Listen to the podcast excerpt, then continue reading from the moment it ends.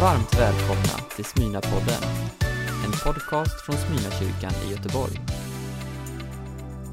Jag tänkte att vi ska börja lite med julevangeliet. Och kanske är det så att du tycker det är lite tidigt. Ska vi börja redan andra advent? Det är länge kvar tills jul, eller hur? Men eh, faktum är att när vi går till Lukas, aposteln Lukas som vi ska göra nu, så, gör så vill ju han berätta hela julevangeliet, säger han, ända ifrån början.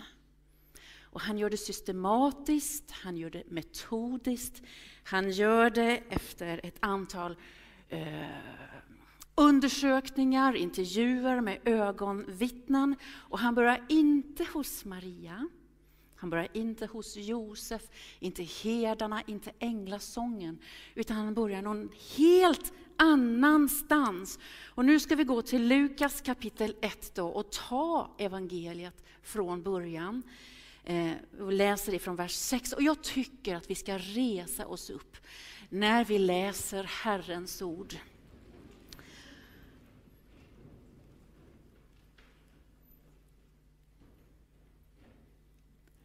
På den tiden då Herodes var kung i Judeen fanns i Abias prästavdelningen en präst som hette Sakarias. Hans hustru var av Arons släkt och hette Elisabet. Båda var rättfärdiga inför Gud, levde fräck, fläckfritt efter Herrens alla bud och föreskrifter. Men de hade inga barn, eftersom Elisabet var ofruktsam och båda var till åren. En gång när turen kom till Sakarias avdelning och han var i tjänst som präst inför Gud fick han vid prästernas sedvanliga lottning uppdraget att gå in i Herrens tempel och tända rökelseoffret. Vid tiden för rökelseoffret stod allt folket utanför och bad.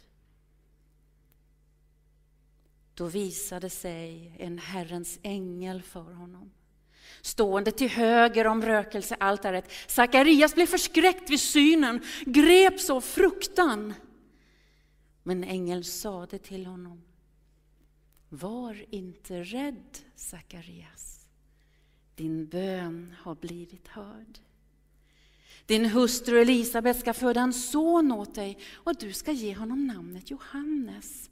Han ska bli din glädje och din fröjd och många ska glädja sig över hans födelse, för han ska bli stor inför Herren.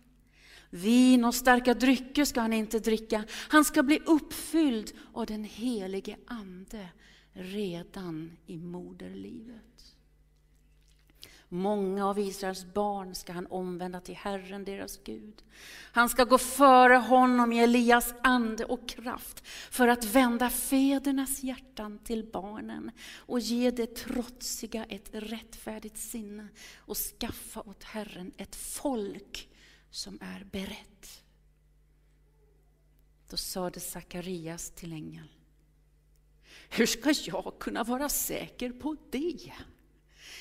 Jag är en gammal man och min hustru är till åren. Ängeln svarade honom. Jag är Gabriel som står inför Gud och jag är sänd för att tala till dig och ge dig detta glädjebud. Men nu ska du bli stum och inte kunna tala förrän dagen då det sker därför att du inte trodde mina ord. De kommer att gå i uppfyllelse när deras tid är inne. Folket stod och väntade på Sakarias, undrade varför han dröjde så länge in i templet. När han sedan kom ut kunde han inte tala till dem och de förstod att han hade sett en syn i templet.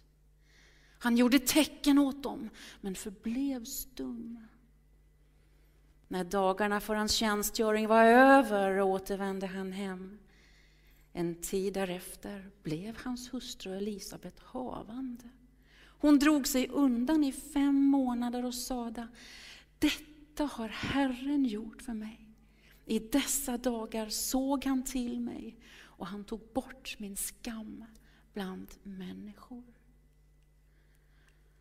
Detta är Herrens ord, mina vänner, och jag ber att, er, att ni tar emot det som Guds ord. Vi ber.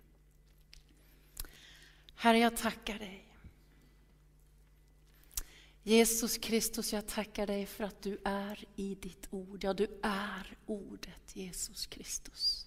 Och du är levande, närvarande mitt i vår församling just nu.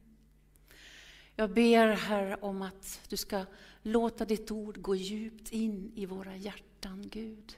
Så att det får göra någonting i oss, göra någonting med oss och göra någonting emellan oss.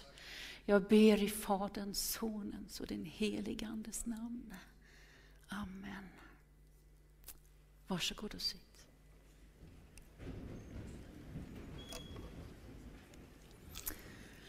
När Lukas skriver det här och gör det liksom ända ifrån början för Teofilus så befinner Israel sig i en mörk historia.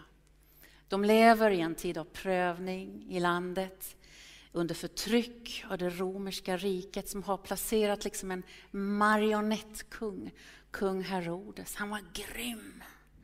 Han var en mördare. Han drogs inte för att mörda ens sin egen familj. Han mördade många i sin familj. Och ni förstår att kung Herodes var för det judiska folket detsamma som kejsare Nero var för det romerska folket. Då förstår ni. Det var också en tid av tystnad, av profetisk tystnad. Profeterna som annars liksom stod i kö för att predika och profetera, de var helt tysta.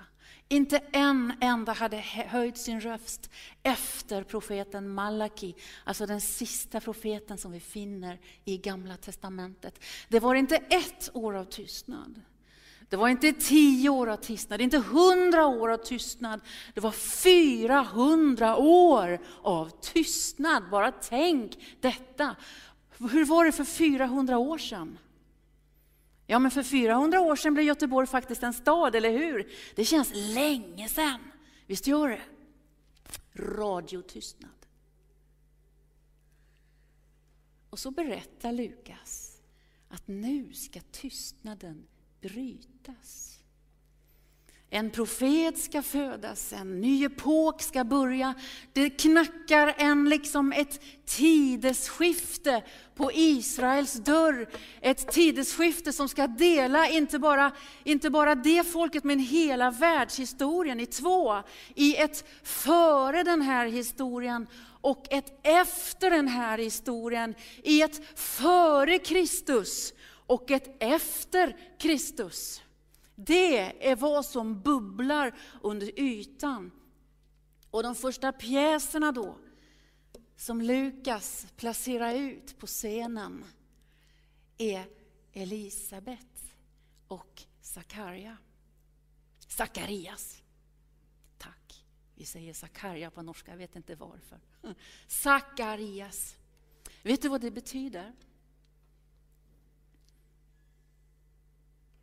Ja, det är inget vanligt namn, särskilt i Sverige, men det betyder Gud har inte glömt. Mm. Gud har inte glömt. Gud sysslar ju inte med tillfälligheter. Gud har kontroll. Gud har inte glömt. Vi kan glömma, eller hur? Jag vet att när jag står och tittar här på er som sitter här i Smyrna idag, så finns det många, många många starka, fina historier om Gud. Om Guds trofasthet och Guds närvaro i vardagslivet. Men visst är det lätt att glömma vad Gud har gjort. För vi lever på något vis från den ena välsignelsen och till den andra välsignelsen. Och när den ena välsignelsen börjar fejda, liksom minnet börjar fejda, ja men då känns Gud plötsligt väldigt, väldigt långt borta tills han välsignar oss på nytt, eller hur? När bönesvaren inte kommer när vi önskar, när livet inte blev som vi trodde, har Gud glömt dig då? Har Gud glömt din bostadssituation? din familjesituation, din arbetssituation, din hälsa. Har Gud glömt dig då? Gud har inte glömt. För Gud glömmer aldrig, någonsin. Det är hans väsen och det är hans mönster med oss och genom hela frälsningshistorien. Han kommer ihåg varje ord han sagt. Han håller varje löfte han lovat. Så kommer alltså då en präst in på den här historiska scenen med det här namnet. Efter 400 år av tystnad. Gud har inte glömt. Och så är Sakarias gift med Elisabet. De är högt upp i ålder, läste vi, de bor långt ut på landsbygden. Sköna människor alltså. Jag tror att de skulle varit väldigt bra, passat väldigt bra in i våran gemenskap. Gudfruktiga, sköna människor. Det är bara en sak som är fel i deras liv, som fattas dem. De får inte barn. De sörjer detta som rätt många sörjer, barnlöshet. Som Sara och Abraham sörjde sin barnlöshet.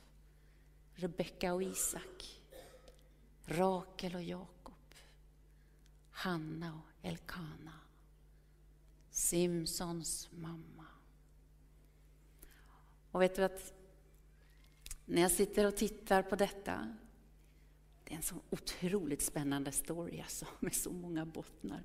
Och när man tittar liksom på detta så är det nästan som man ser ett mönster. När vi läser i Bibeln hur många det är, det är påfallande många i Bibeln, som Bibeln berättar om och lyfter, som inte kan få barn. Och det är nästan som ett mönster när Gud vill göra någonting nytt i ett samhälle. Eller göra någonting i historien, när han vill göra någonting av betydning. Då börjar han gärna med en barnlös kvinna. Du vet, de om vilka det sades att moderslivet var stängd. De som var en rasande smärta i sin kropp över att inte föda barn. Så visar Gud något av sin makt, han visar något av sina möjligheter när han placerar ett barn där det inte går. Ett barn som eftertiden aldrig glömmer. Och det där mönstret, förstår du, det når ju sin kulmen i julevangeliet. När Gud ska placera sin son på den historiska arenan, vad gör han då? då? Ja, men han letar upp en tjej en jungfru. Gud är stor. Oj, oj, oj, han är så vis, Gud. Sakarja och Elisabet de har tappat hoppet för länge, länge sedan. Det är för sent för dem, liksom det är kört. Och så kommer den här dagen då, som han har väntat på, som kom två gånger om året, när han skulle ner till Jerusalem, för han kom ju från Judeen. Och han skulle tjänstgöra i templet det var stas liksom. Det var fest att få åka till Jerusalem. Och innan tjänstgöringen, dagen innan tjänstgöringen börjar, så går han ner då till Jerusalem kvällen innan. Vet du varför han gör det? Det här är så läckert. Han ska sova i ett litet hus bredvid templet, nästan vägg i vägg med det allra heligaste. Och det huset heter hjärtats kammare.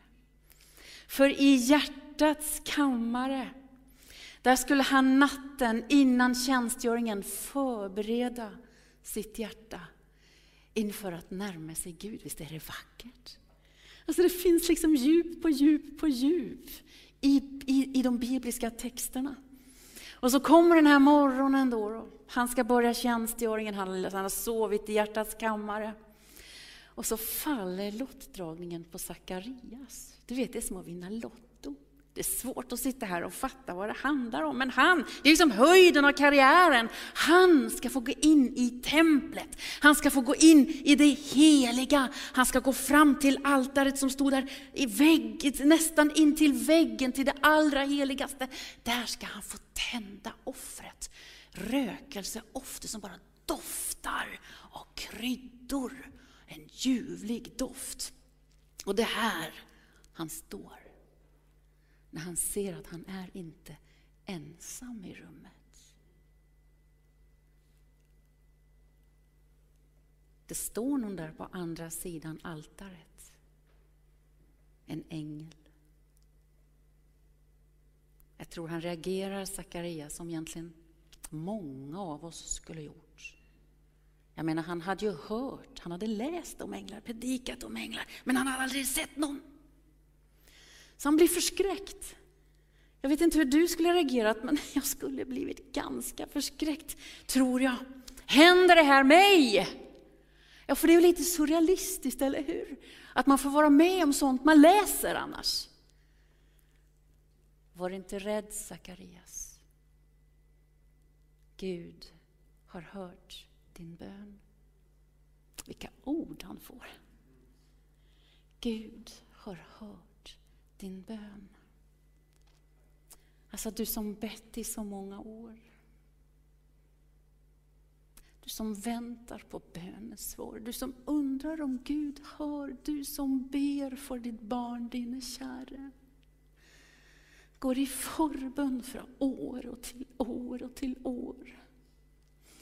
Om du tålmodets läxa må lära, himlens bönesvar en gång du får. För det är svar underveis. Änglar kommer med bud. Var inte rädd, Sakarias.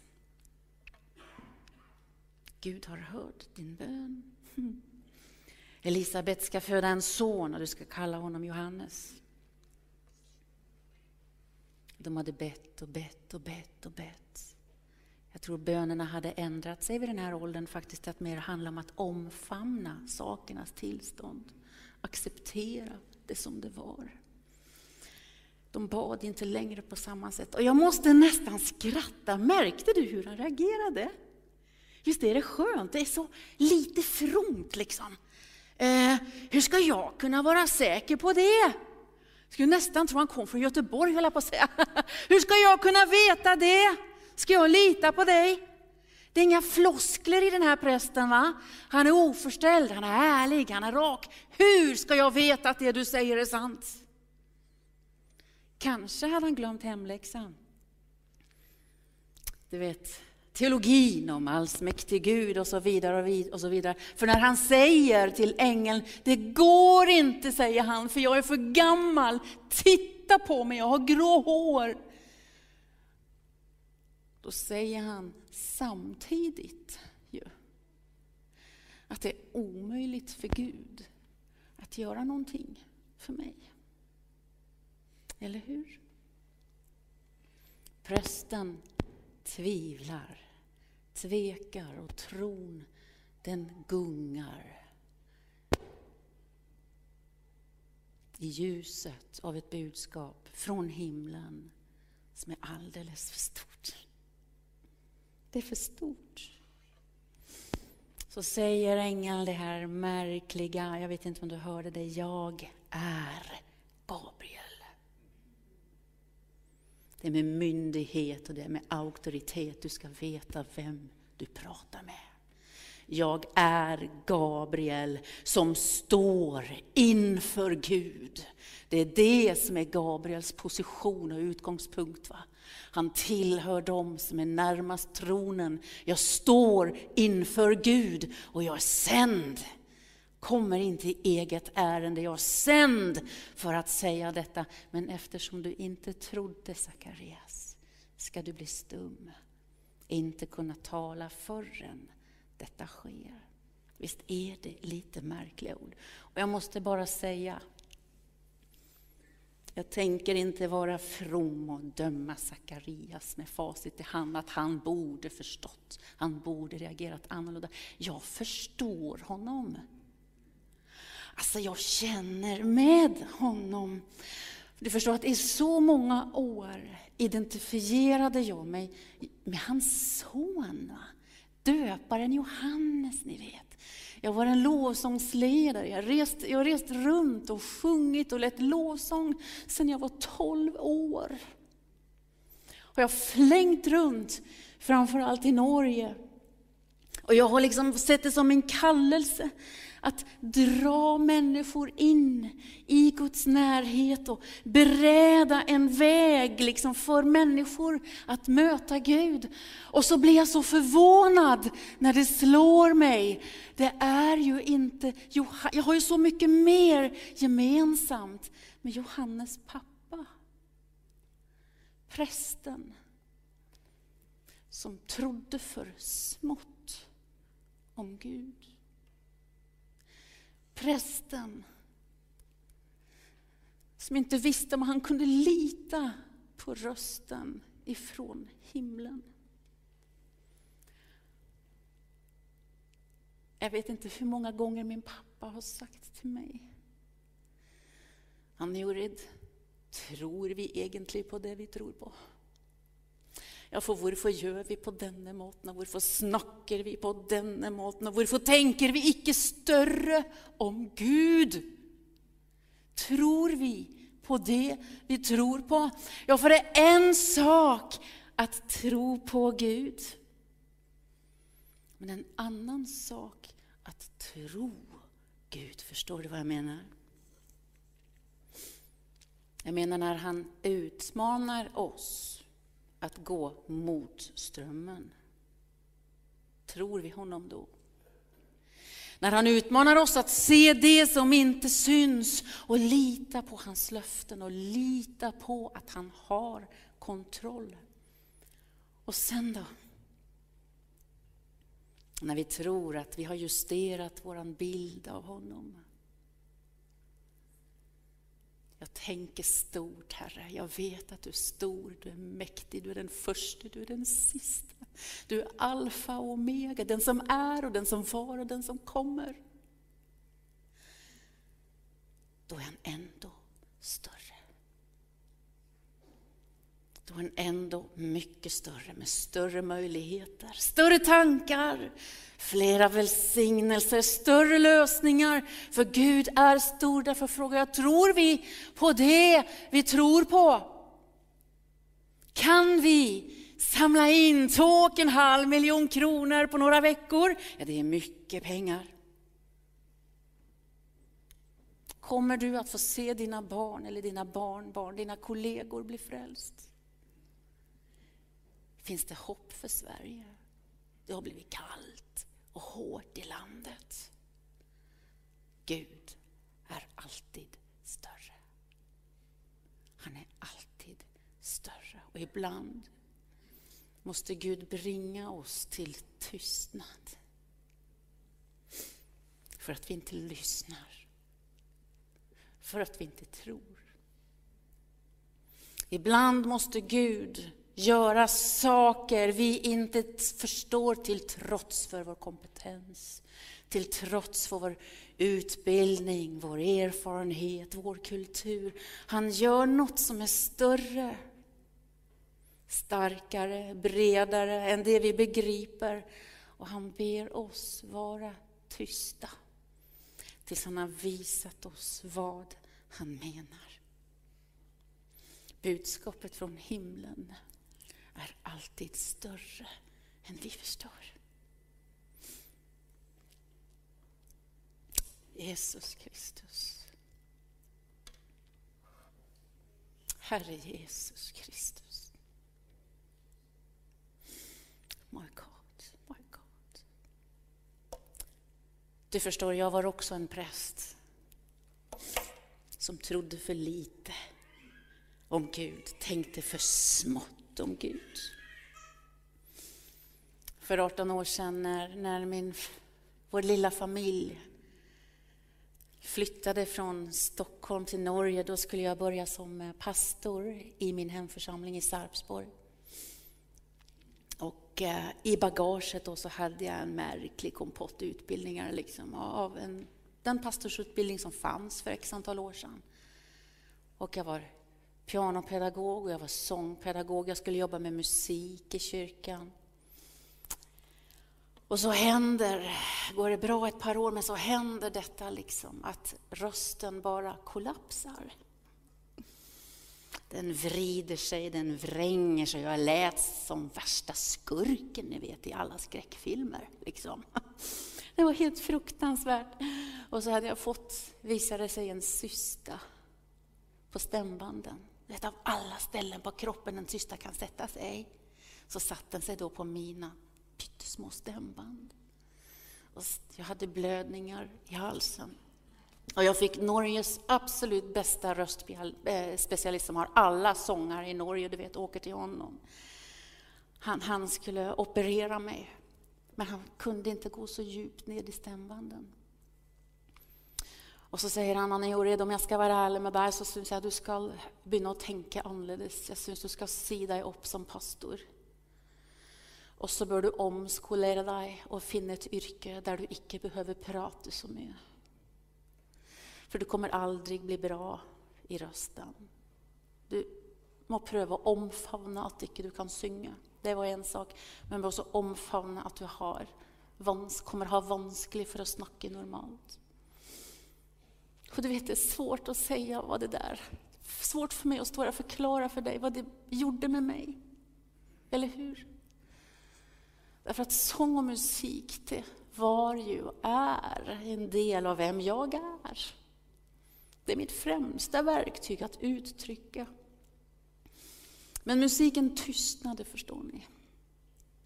Och under ett helt års tid, under det att jag lite läkte, så fick jag kommunicera med bara lappar. Har du försökt att vara tyst någon gång? Alltså jag vet inte, hur länge tror du att du kan vara tyst? Jag skulle tippa att det bara är några minuter. Så ska du in och handla mjölk eller är det någonting. Liksom vi, hade en, vi hade ett barn på 10-11 år och jag hörde henne på övervåningen och ville skrika till henne, Cornelia, men det gick inte. Utan jag fick hämta henne och så skriva lappen. Ser du vad mamma vill liksom? My goodness att det gick.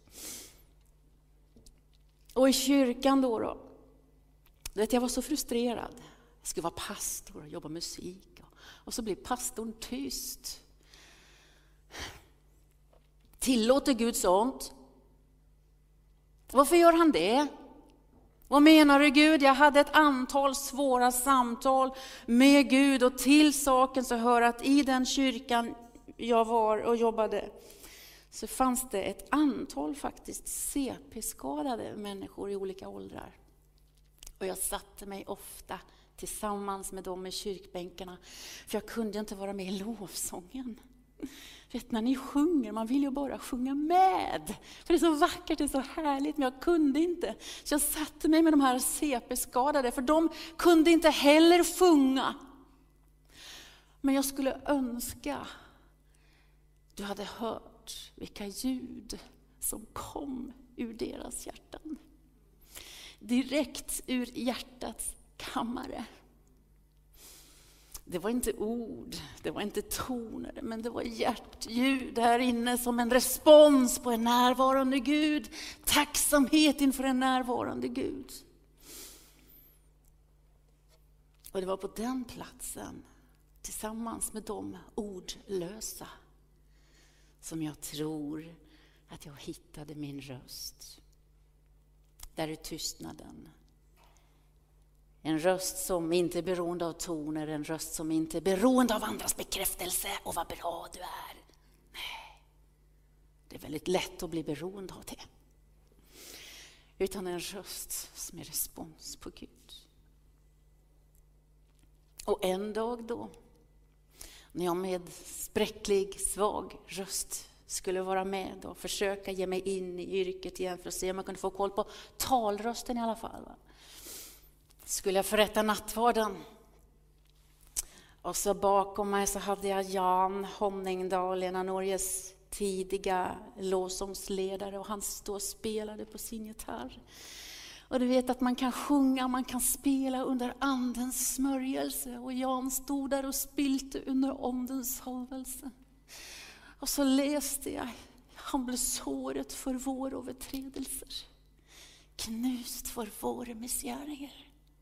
Straffen blev lagt på ham för att vi ska få fred. Och vid hans sår har vi fått läkedom.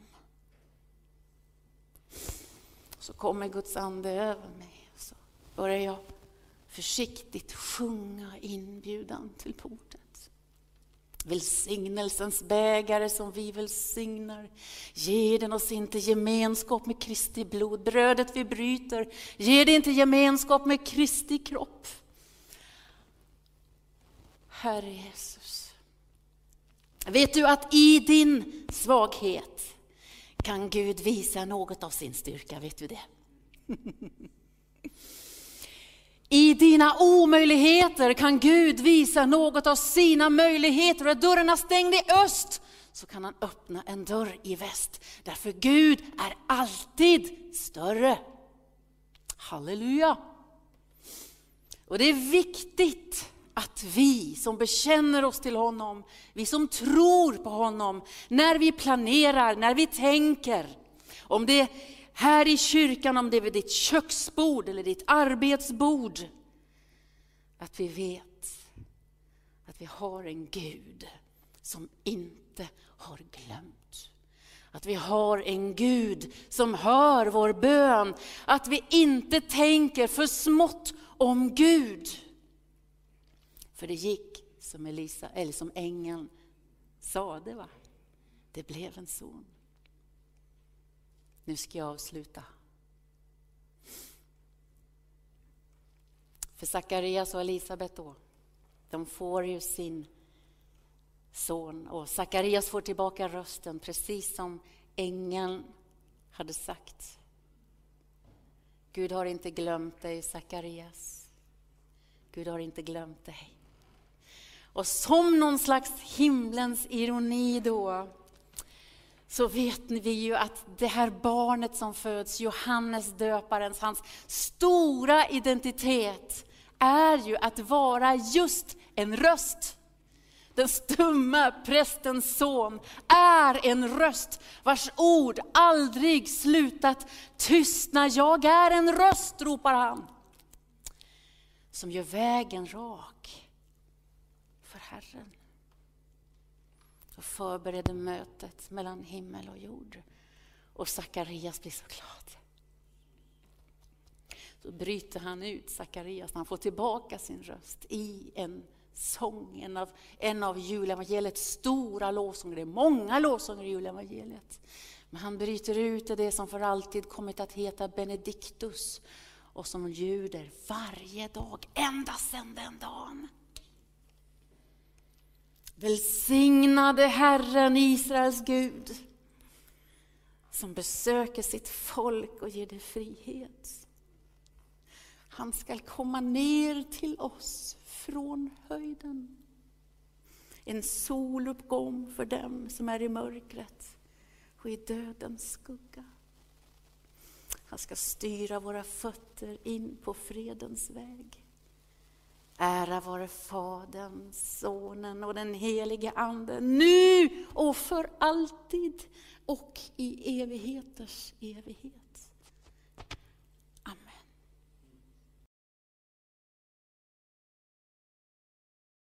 Du har lyssnat på en predikan från Smyrnakyrkan i Göteborg. Hjärtligt välkommen att lyssna igen eller besöka Smyrnakyrkan.